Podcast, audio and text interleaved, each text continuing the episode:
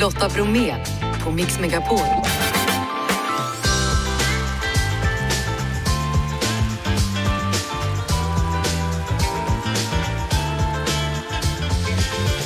Hallå där och varmt välkommen in till oss denna torsdag. I dagens mix så blir det släktforskning. Peter Sjölund gästar oss efter 17 och har med hjälp av DNA bland annat löst dubbelmordet i Linköping. Psykologen Fredrik Bom från Gift vid första ögonblicket är här för att svara på just dina frågor. Vi öppnar Slussen om en stund. Och så hör vi om brottsplats, skola och självklart smyglyssnar vi på Agneta Fältskogs nya låt. Och dessutom snackar jag med Jonas Tillander som gör debut i kvällens Draknäste. Jag säger som vanligt Killar, är ni redo Jeff? Ja. Janne? Jajamän. Ja, bra, då kör vi. Lotta Bromé på Mix Megapol. Hörrni, ikväll så är det premiär för en ny säsong av Draknästet. Programmet där entreprenörer får chans att pitcha sin affärsidé framför en jury. Bestående då av investerare och riskkapitalister, det vill säga drakarna. En del ansikten kommer att kännas igen, men nytt för i år är att det kommer dyka upp gästdrakar och bland dem då stjärnmäklaren Fredrik Ekelund och ingenjören och biltillverkaren Christian från Koenigsegg. Och ett annat nytt ansikte är Jonas Tillander, grundare och VD för Storytel och han blir ny fast jurymedlem. Hur känns det Jonas? Ja, men det känns väl roligt. Um, det är uh, lite att komma tillbaka, jag. Jag var med 15 år sedan, uh, men då på andra sidan. Och, uh, nu är det väldigt kul att vara med och sitta och bedöma alla, lite mindre nervöst. lite roligare, mm. men också ganska jobbigt. Det är 42 pitchar som man får, får sig till livs under den här säsongen. Så Ja, det är hårt precis som du säger, det, det, blir ju liksom en cirkus som sluts då, för du var ju med där och pitchade idén om Storytel i Draknästet för 15 år sedan. Kommer du ihåg känslan när du stod där och försökte sälja in din idé? Eh, det var väl en känsla av panik och fullständig nervositet, eh, ska jag säga. Men det är skönt, man kör ju pitchen där i början, två, tre minuter och sen släpper lite spänningen. Sen har man liksom ingen kontroll på det längre för då är det bara massa frågor och mm. diskussioner. Mm. Och, det är ändå ett ämne som man kan ganska bra när man är där, så att säga, sitt eget företag. Ja, och det gick ju bra för dig då. Du fick med en drake på tåget här. Vad, vad är det viktigaste att tänka på när man gör en pitch? Jag vet, man måste få, få de som lyssnar, det är liksom även tv-publiken här såklart, och ganska snabbt greppa vad det, vad det handlar om. Och eh, när man funderar på det som en investerare vill man ju dels gå igång på det som produkt och tänka att det här skulle jag vilja ha eller det här kan jag se att folk vill köpa. Men sen måste man också kunna lite grann kvantifiera vad, vad är liksom potentialen och hur stort kan det bli. Mm. Eh, när du kommer sitta som draken nu då, vad är din inriktning? Har du någon speciell bransch som du känner dig mer intresserad av än andra? Jag är ganska trygg i liksom digitala tjänster och appar och abonnemangsmodeller och sådana saker. Det, det är det jag har på med mycket med Storytel. Eh, men eh, försöker väl ändå, jag menar, komma in mycket på liksom, eh, bolag som, som gör någonting som jag känner är meningsfullt och bra. Mm. Inte bara eh, en, en slit och slängprodukt så att säga. Så mm. en hållbar profil är ofta det jag går efter. Finns det någon pitch som du vill tisa om som stack ut i programmet? Det blir lite svårt kanske för då kanske jag liksom lite grann berättar eh, hur det går för dem också. Hmm. Mm. Fråga, vågar jag det? Ja. ja, det har ju sig släppts redan ju. Mm. Eh, på Play första avsnittet. Um, nej men det var väl ganska mycket roliga saker. Det var lite mm. solkraft nu och nu säger jag inte sånt som jag hoppar på men solkraftverk var väl någon som höll på ja. Någon skulle hålla på med lyxjakter. Var, oj, var oj, oj. Jaha, det var en jävla blandning faktiskt. Väldigt stor blandning och du höll hårt i pengarna förstår jag.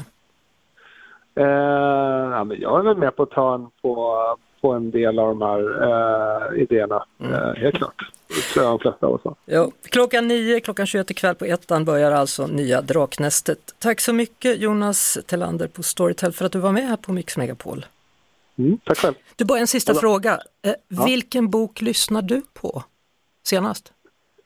Eh, det senaste var faktiskt Författarmorden av eh, Erika Roppån eh, som utspelas på Bokmässan, vilket kul. Det har varit eh, ganska mycket. Eh, så, att, eh, så den var rolig. Mm, då fick vi ett boktips Eller, Den var inte rolig, det var massa folk som dog. Så ja. inte den var rolig, men underhållande. Den var underhållande. Stort tack.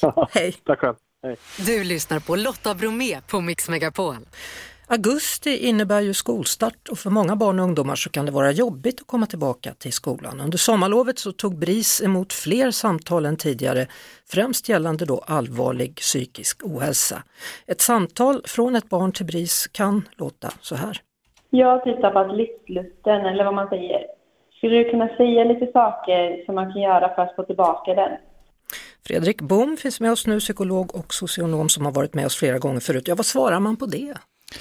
Ja, det är en svår fråga, men det allra första man måste göra det är att man måste ta den på allvar. Det är väldigt lätt när man lever i en vuxenvärld där horisonten är ett år framåt och vi stressar och tar ansvar att, att man förbiser hur lång en dag eller en vecka kan vara för någon som går i skolan. Finns det något man som vuxen kan tänka på nu när terminen liksom precis har börjat och så man kan peppa de barn som faktiskt behöver stöd?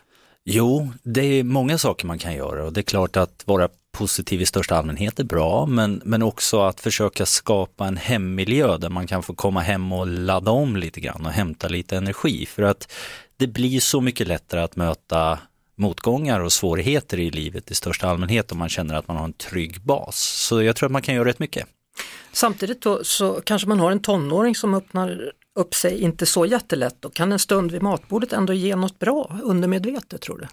Ja, Dels så ger det nog bra bara att man sitter där och att man är tillsammans. Men jag tror här också att man som förälder ska nog inte vara rädd att ställa frågan. Alltså att fråga, du, eh, jag vet inte, men jag får intrycket av att du är lite låg på energi, är det så? Hur har du det? Liksom, går det bra? Att man ser till att man åtminstone vill få informationen. Sen kanske du inte får det i alla fall. Nej. Men det är inte det viktiga där och då.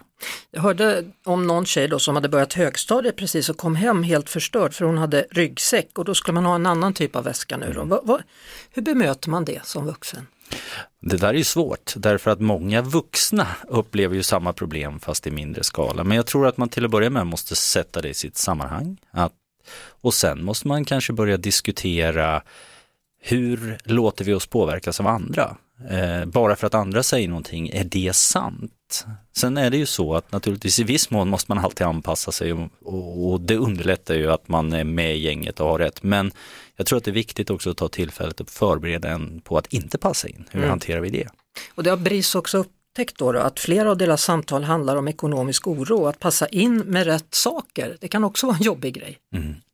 Jo men så är det ju och det, det är ju så speciellt i, i tonårsåldern att mm. man går över från att ta de största intrycken från kompisarna och inte från föräldrarna. Och det gör att sådana frågor blir viktiga. Mm. Fredrik Bom finns med oss och nu kan du som lyssnar om du har frågor att ställa till honom ringa oss och det gör du på telefonnummer 020-314 314. Ring alltså in till Fredrik Bom, du kanske har funderingar kring skolstarten. Du kanske har funderingar kring att skola in någon på dagis, det är inte alltid det lättaste om man är förälder. Men här kan du ställa de frågor du behöver 020-314 314. Klockan är sju minuter över halv fem denna torsdags eftermiddag och jag säger hallå till Pernilla. Ja, hej! Hej, välkommen! Ja, tack så mycket. Pernilla som alltså har ringt 020 314 314 och har en fundering kring dina barn.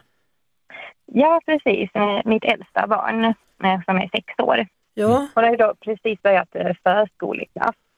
Och eh, hon har ju längtat efter detta väldigt länge, men det har blivit jobbigt för henne. För hon, är, man kan säga att hon är ett känsligt barn. Liksom att hon har en högkänslig personlighet kan man säga. Du ska få prata med Fredrik vad han tänker när han hör det. Ja, jag ja. Blir, hej Pernilla! Jag, jag blir nyfiken direkt för du säger att hon är ett känsligt barn. Eh, ja. Hur har du märkt det tidigare? Är det någonting som har kommit nu eller har det varit hela tiden? Eh, hon har alltid varit väldigt känslig. Mm. Eh, sådär mot eh, förändringar, eh, ljudnivåer och liksom alltså har väldigt mycket stora funderingar och sådär, svårt att somna på kvällarna och sånt. Mm, det gissar att, att man, man har stora funderingar och ligger och undrar och fantasin mal och man ligger och oroar sig för dagen efter, stämmer det? Ja, precis. Mm. Men eh, då gissar jag att du har, har pratat med henne och frågat vad det är som oroar henne, vad säger hon då? Eh, ja, det har jag gjort och um, hon säger liksom att hon har ont i magen och mm. hon känner sig inte trygg i skolan. Hon känner sig bara trygg när hon är hemma. Mm. Det är så mycket ljud och rörelser och ja, hon känner att det blir, det blir för mycket, det blir för mycket intryck. Mm. Sen när hon väl är på skolan så kan det ju bli bättre när hon är där. Ja. Och sånt. Hon är glad när jag hämtar henne. Men sen blir den här oron igen på kvällen och sen dagen efter när vi ska iväg igen. Ja, men jag tänker spontant att det är klart att alla människor är individer men nog är vi så lite till mans att när vi ställs inför nya miljöer då går stressnivån upp och sen så är det ju lätt att man börjar oroa sig och när man oroar sig så börjar man fantisera och fantasi, fantasierna som kommer är ju sällan positiva. Men mm. jag tänker att en sån här sak som ofta hjälper nästan alla människor det är att man utreder ordentligt. Alltså det jag menar nu, om vi ska prata icke-psykologiska, är att när man tittar på skolan så är det ju inte så att den är helt dålig eller helt bra. Utan mm. påfallande ofta så är det så att det finns vissa delar som är bättre och vissa delar som är sämre. Och ibland om man ställer frågor så att man hjälper framförallt barn men även vuxna skulle jag vilja påstå att se nyanserna här emellan. Så kan mm. det ibland göra att man kan börja prata klarspråk och då minskar fantasierna och då blir det lite lättare. Det är ju ingenting som löser sig på en femöring naturligtvis men det blir mm. kanske lite lättare. Känner du att du fick, fick du någon ny tanke där, Pernilla? Jo men absolut. Alltså, det är ju att jag har ju själv haft det jobbigt. Jag har eh, precis blivit diagnostiserad med ADHD mm. och lite sånt. Och, eh, jag känner igen mig väldigt mycket i henne och tänker att eh, hon kanske också har det som det är rätt genetiskt ändå. Mm. Men vården vill ju inte riktigt gå vidare på det för hon är så liten tycker de. Och... Ja, det är nog lite tidigt att sätta en psykologisk diagnos på ett barn som är så pass liten. Men du kan ju tänka på vad du behövde när du var i den åldern så kanske du kan ge henne det. Jag tänkte säga det att ibland är det någonting man missar. Det är att om man själv har brottats med någon typ av problematik så har man ofta utvecklats av det. Och det, det är klart att man ska inte förutsätta att alla går igenom samma sak som en själv. Men om man kan tänka igenom hur man själv har klarat sig igenom någonting så kan det i alla fall ge tips och det kan kanske ge idéer. Mm. Pernilla var det alltså som hade ringt 020 314 314. Stort tack för att du ringde in till oss. Eh, vi pratade förut med Pernilla då som hade ett barn som upplevde oro för att gå till skolan. Liselott skriver något liknande. Jag har en son som säger att han har ont i magen och huvudet men när han får stanna hemma så är han jättepigg. Hur pratar jag med honom för att få reda på vad som är fel? Vad säger du Fredrik Bom som finns med, psykolog? Jag tror att nyckeln ligger i nyanser. Alltså att man visar intresse är bra, men sen att man börjar prata om nyanser så man inte bara accepterar att någonting är jobbigt eller inte jobbigt. För framförallt barn ser gärna i svart och vitt och de ser gärna i allt eller inget. Och att ställa frågor kring när är det bättre, när är det sämre, vad gör du när det känns bra, vad gör du när det känns dåligt? Så att vi hjälper till att långsamt hitta nyanserna och långsamt hitta sin egen påverkan. Vi har också en anonym pappa då som har hört av sig och han säger mina barn ser mycket på TikTok och får höra på nyheter om att skolan är en otrygg plats. Hur kan jag få dem trygga? Oj, det ja, där det, är en jättefråga. Det är läskigt. Och, och, det är en jättefråga därför att förr i tiden så kunde föräldrar styra vilken information barn fick för det fanns bara ett visst antal kanaler. Idag så får de information via TikTok, sociala medier och det gör att valet finns inte om dina barn ska få reda på någonting eller inte. Valet däremot finns om du ska finnas med dem och prata, nyansera, söka de här olika varianserna och sen att man också går rätt snabbt ifrån att vad man oroar sig för till vad man kan göra så att barnen känner att de är en aktör som själva kan påverka sin omgivning. Jag, jag tänker på det då att de, de tittar och följer på TikTok och blir oroade över saker som de kanske ser där. Man kanske som förälder ändå ska kräva eller få en plats bredvid och titta tillsammans. Jag tycker att det är jätte, jätteviktigt för återigen, du kan inte begränsa den information barn får idag. Men det du kan bestämma det är om de ska möta det själva eller om du ska finnas där och kunna diskutera och resonera och, nu säger jag det igen, nyansera. Tack så mycket Fredrik Bom för denna gång och stort tack till alla er då som har hört av sig. Vi kommer att öppna telefonslussarna senare här under hösten också. Välkommen till Mix Megapol, Peter Sjölund, DNA-släktforskarexpert. Ah, tackar, tackar, där fick du till det. Det fick jag det. Vi kan ha sett dig i Vem tror du att du är eller DNA-jägarna på TV4. Hur kommer det sig att du började intressera dig för DNA? Alltså jag har släktforskat sedan jag gick i gymnasiet och det är ju spännande på många sätt. Men sen är jag ju naturvetare in i själen. Så när det kom en möjlighet 2010 ungefär att testa DNA och hitta släktingar den vägen, det kände jag här är perfekt. Här gick jag igång på. Så det var egentligen släktforskning som kom först och sen kom DNA då som ett jättehjälpmedel? Ja, men precis. Det är ett kanonverktyg, för om man har släktforskat kan man kolla att släktforskningen stämmer. Man pratar ju alltid i alla tider, för jag var också intresserad av det här när jag var, var yngre, om mormonerna och att Salt Lake City skulle kunna vara någon slags central för hela världen. Det var ju verkligen så innan, ja, innan 2000 kan man säga. För det var ju så att mormonerna har ju på något vis i sin religion att de ska släktforska och döpa folk i efterhand. Jag har inte riktigt koll på hur, men. Och de åkte runt i hela världen på 50-60-talet och fotade av alla sådana här kyrkböcker. Så de finns då på sådana mikrofilmsrullar borta i Salt Lake City. Jag har faktiskt varit där och suttit och forskat några dagar. Ja, till och med svenska kyrkböcker alltså. Ja, svenska, koreanska, allting. Och det är jättehäftigt, 2,8 miljoner rullar mikrofilm. Om man nu gör ett DNA-test, vad kan jag få reda på utav det? Du får två saker i ditt svar kan man säga. Det ena är att du får den här kartan som de gärna marknadsför. De säger att du är 7% italienare och så vidare. Det där är ju snyggt, men man kanske ska ta det på en, med ganska mycket nypa salt. För det är stora osäkerheter. Men på, har man 30-40% från någon del av världen så är man ju på något vis därifrån. Men det andra som är viktigast det är att man får en lista på de här är du släkt med. Alltså andra personer som har testat sig på samma bolag. Så matchar man ihop och ser, har ni någon bit av DNA som är lika? Ja, då är ni släkt. Och sen då? Hur använder man sig av resultatet? Det beror lite på vad man är ute efter. Och vill man liksom bara hitta nya släktingar och hitta hur man är släkt, då tar man den här listan och så börjar man titta i sitt eget släktträd och i deras släktträd och se vad går ihop någonstans, för någonstans går det ihop. Jag hjälper ju nu många som inte vet vem pappa är. Det är faktiskt en av hundra idag som har en annan pappa än man tror. Och av de som är födda på 40-talet var det tre av hundra, det blir många. Vad säger du nu, som har en annan pappa än vad de tror? Mm. Det är någon annan som varit framme där? Ja. Jaha, men vilken, förstår du vilken chock det kan innebära för en familj? Allting kan ju bara brytas sönder. Ja, men visst, det är så. Många, många som jag och mitt gäng hjälper, det är sådana som har letat pappa och funderat i hela sitt liv. Och då känns det jättebra att kunna hitta, för, för tre år sedan ungefär när vi började, då kunde man hitta varannan pappa. Nu hittar vi faktiskt nio av tio pappor. Och det känns otroligt bra att kunna hjälpa människor att fylla det där hålet. Man märker hur mycket det betyder för dem. Men som du säger, det kan också vara så, det finns små släktforskare som säger att syrran eller brorsan, du kan inte du också testa det så jag får lite mer att jobba med? Och så visar det sig att de bara är halvsyskon. Mm. Det blir lite jobbigt. Hur har du haft det i din släkt? Än så länge har jag inte hittat några okända faktiskt. Man kan ju använda det här med DNA-forskning även för att lösa brott. Du var med och löste ett dubbelmord efter 16 år, det ska vi prata mer om alldeles strax. Lotta Bromé och den perfekta mixen på Mix Megapol. Jag nämnde det innan låten här, att du var med och löste ett dubbelmord efter 16 år. Kan du berätta den historien lite kort? Ja, alltså det är ju Sveriges näst största mordutredning efter Palme. Dubbelmordet i Linköping som skedde 2004. En oktobermorgon så vart en åttaårig pojke och en medelålders kvinna mördade, till synes helt slumpmässigt. Och eh, polisen hade ju gott hopp, de hade mördarens DNA, de hade kniven och ordvapnet. Men det gick inte, trots att man var 60 poliser som jobbade med det här och tog in FBI till och med. Alltså man, man kommer verkligen ihåg det där, det är den här oerhört snälla kvinnan och så är det det här lilla barnet och sen så hittade de hans toppluva i ja, en papperskorg, var det så? Ett tidningsställ borta vid en ICA-affär, ja. ja precis. Mördarens toppluva ja. pratar vi om. Ja. Och eh, det har verkligen varit ett trauma för hela Linköping det där. De stängde ju förskolorna och folk fick följa sina barn till skolorna och poliser överallt.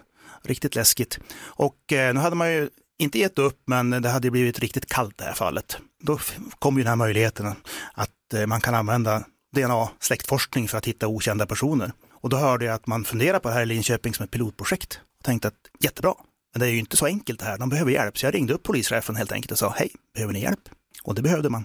Och när du då söker och märker och får en träff, känslan? Jag fick ju ganska många träffar, typ 800, men de flesta är ju bara en liten, liten pluttbit, ointressant. Men de tio översta listan kände jag, de här, de här borde vara släkt på 1700-talet eller 1800-talet. Och det låter ju som jättelänge sedan, men det är ganska nära det här sammanhanget. Så då bygger jag släktträd för de här personerna som på något sätt är släkt med mördaren.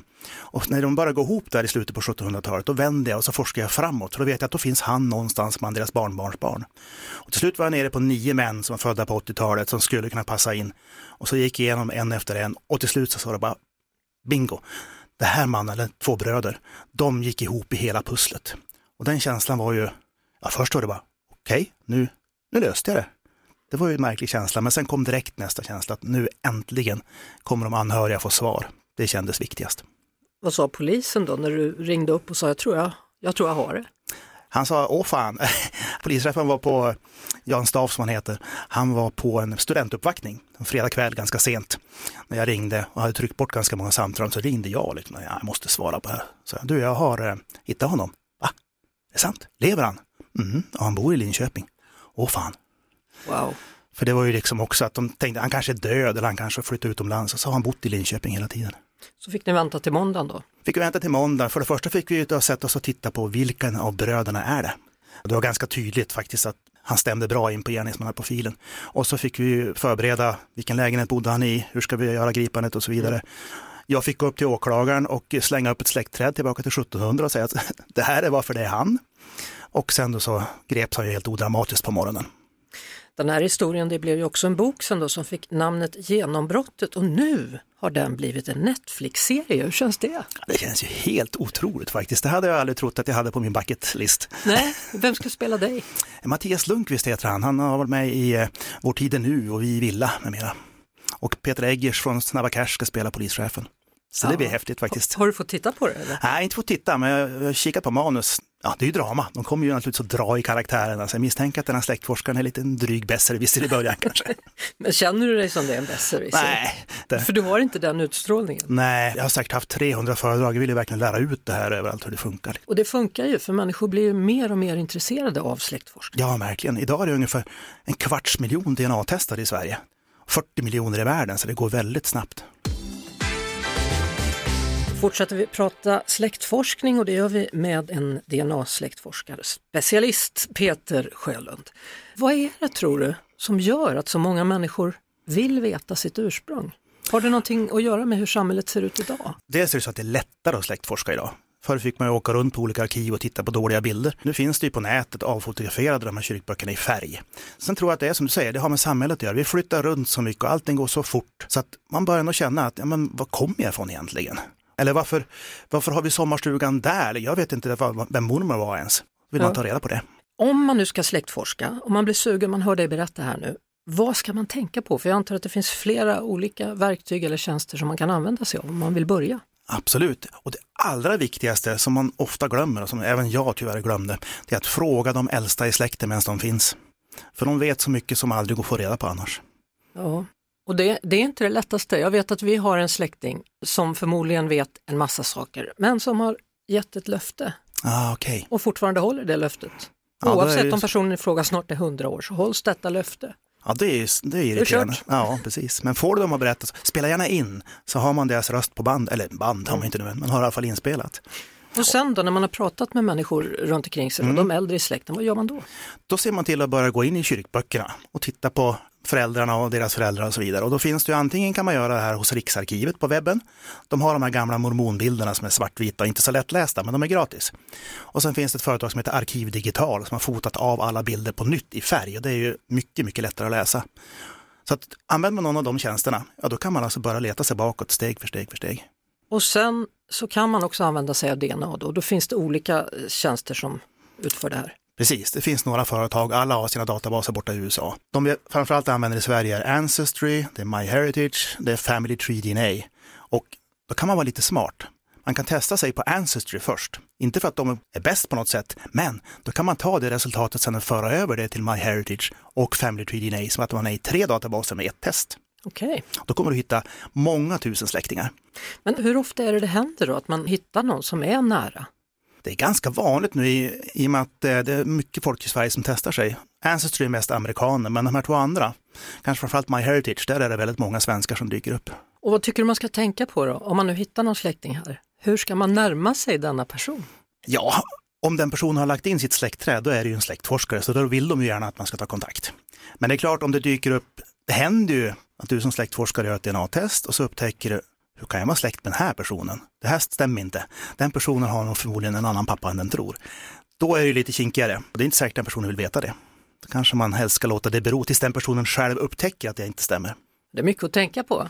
Ja, det är det. Men det är ett roligt jobb. Det är ju som att vara detektiv. Ja, eller hur? Och det blir så glada människor. Jag tror att i nio fall av tio så blir det positivt till slut. De får halvsyskon till exempel. Och det är alltid, nästan alltid positivt.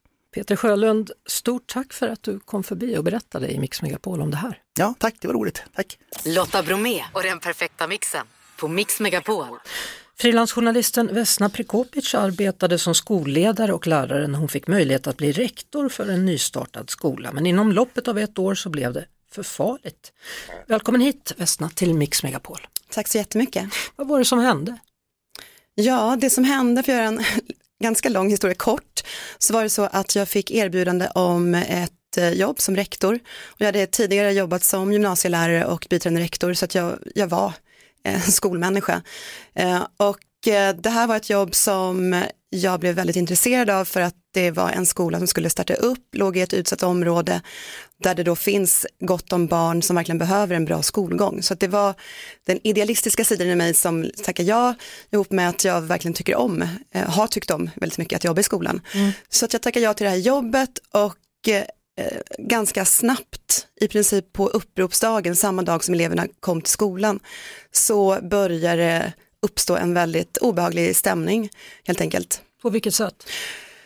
Eh, ja, det som, det som hände efter ett tag var ju att eh, skolan blev, vad ska jag säga, de eleverna som jag hade, verkligen inte alla ska poängtera utan det var en liten klick, det är så det brukar vara på de flesta skolor, eh, betedde sig hotfullt, pratade hotfullt, de eh, sa dödshot till både mig och personalen. Jag blev spottad på, eh, det kastades blomkrukor både under lektioner och i korridorerna. Eh, det tuttades eld inomhus på en papperskorg, så när brandkåren kom dit sa de det här måste polisen anmäla som mordbrand. Den typen av saker hände. Och då är det ingen mening med att vara där, kände du? Nej, det gick inte till sist, det blev för påfrestande för att det var ju också, bortsett från att försöka parera det här som hände dagligen, eh, att ta hand om eleverna, försöka ge dem utbildning, eh, också ha ansvar för både eleverna såklart, mm. eh, men också ha personalansvar. Du, Så det, ja, det gick inte. Du har kallat det här för ett samhällsmisslyckande då, kan vi göra någonting åt det, ja eller nej? Vi kan absolut göra någonting åt det. Härligt, eh, ja. då pratar vi vidare om det alldeles strax. I studion med mig Lotta Bromé här på Mix Megapol är frilansjournalisten Vesna Prekopic, tidigare lärare, skolledare och rektor. Vi pratar om hur skolan har blivit en hotfull brottsplats då. Men att det faktiskt finns något vi kan göra åt det sa du. Trots allt, vad? Trots allt, ja, det, det är ganska många bitar som måste eh, ske samtidigt. Och till att börja med tänker jag att vi måste göra en, ett totalt omtag när det gäller att tänka vuxenansvar, inte bara att vara professionell då i vilket yrke man har. För att det kan inte vara ett fult ord att prata om disciplin eller regler och det kan inte heller vara en ful handling att se till att det blir handling, eh, konsekvenser på de handlingarna som inte är okej. Och det här är ju någonting som man måste jobba med från att barnen är väldigt, väldigt små. Det är ganska ofta man hör till exempel i debatten om ungdomskriminalitet eller liknande så, så hör man alltid någon som säger, men det här såg vi redan när den här killen eller tjejen var sex år och nu är det en 16-åring man pratar med. Så då, om, och då undrar jag varför har det kunnat gå tio års tid då? Mm. Eh, så att det, det, är nummer ett. Sen finns det en, ja, ännu en synvända egentligen och det är ju att eh, börja använda sig av disciplinära åtgärder som, som jag tror väldigt mycket på. Jag tror inte att det är bra för någon. Det sänder verkligen inga bra signaler om man låter en elev som beter sig hotfullt, våldsamt eh, mot eh, både klasskamrater eller mot personal, då, oavsett mot vem, att gå runt sen på skolan eh, mm. och att få vara kvar där. Jag tycker, då får man flytta den eleven tills man har löst situationen och eh, har också hjälpt den här eleven att komma till rätta med det här beteendet. Det låter ju som att det måste börja faktiskt redan i hemmen då.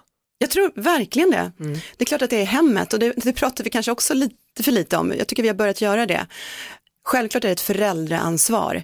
Eh, det, det, är där som det måste börja. Men om det nu är så att föräldrarna inte kan eller vill, ehm, ja då måste skolan ta tag i det. Det går ju inte heller att, att skolan säger då, nej men det där är föräldrarnas sak, det är inte vår sak. Bara, jo, det är det. Eh, sen finns det ju många bitar här som kan vara jättekomplicerade mm. för att det är inte det finns en väl, ett väldigt stort spektrum när vi pratar om vad som är då hotfullt eller stökigt. Allt ifrån att eh, elever får vredesutbrott för att något går dåligt till att du faktiskt har beväpnade elever som du kan vara rädd för att, att du ska bli skadad av. Mm. Stort tack för att du kom hit eh, Vesna och är man nu nyfiken och mer intresserad av det här ämnet så kommer boken Brottsplats skolan, vittnesmål från en pågående kris imorgon den 1 september. Tack för att du gästade Mix Megapol Vesna. Tack så mycket. Nu säger Lotta, Jeanette och Janne tack och hej för idag. Det gör också vår producent Jeff Neumann. Imorgon är fredag, då blir det fredagshäng. Eh, strax blir det efter klockan 19, 19.08, Erik Myrlund och då får ni äntligen höra Agneta Fältskogs låt i sin helhet, Where do we go from here? Vi går hem, men vi hörs imorgon. Ett poddtips från Podplay. I podden Något Kaiko garanterar östgötarna Brutti och jag, Davva, dig en stor dos skratt. Där följer jag pladask för köttätandet igen. Man är lite som en jävla vampyr. Man har fått lite blodsmak och då måste man ha mer. Udda spaningar, fängslande anekdoter och en och annan arg rant. Jag måste ha mitt kaffe på morgonen för annars är jag ingen trevlig människa. Då är du ingen trevlig människa, punkt. Något Kaiko, hör du på Podplay. Därför arkadeinerna.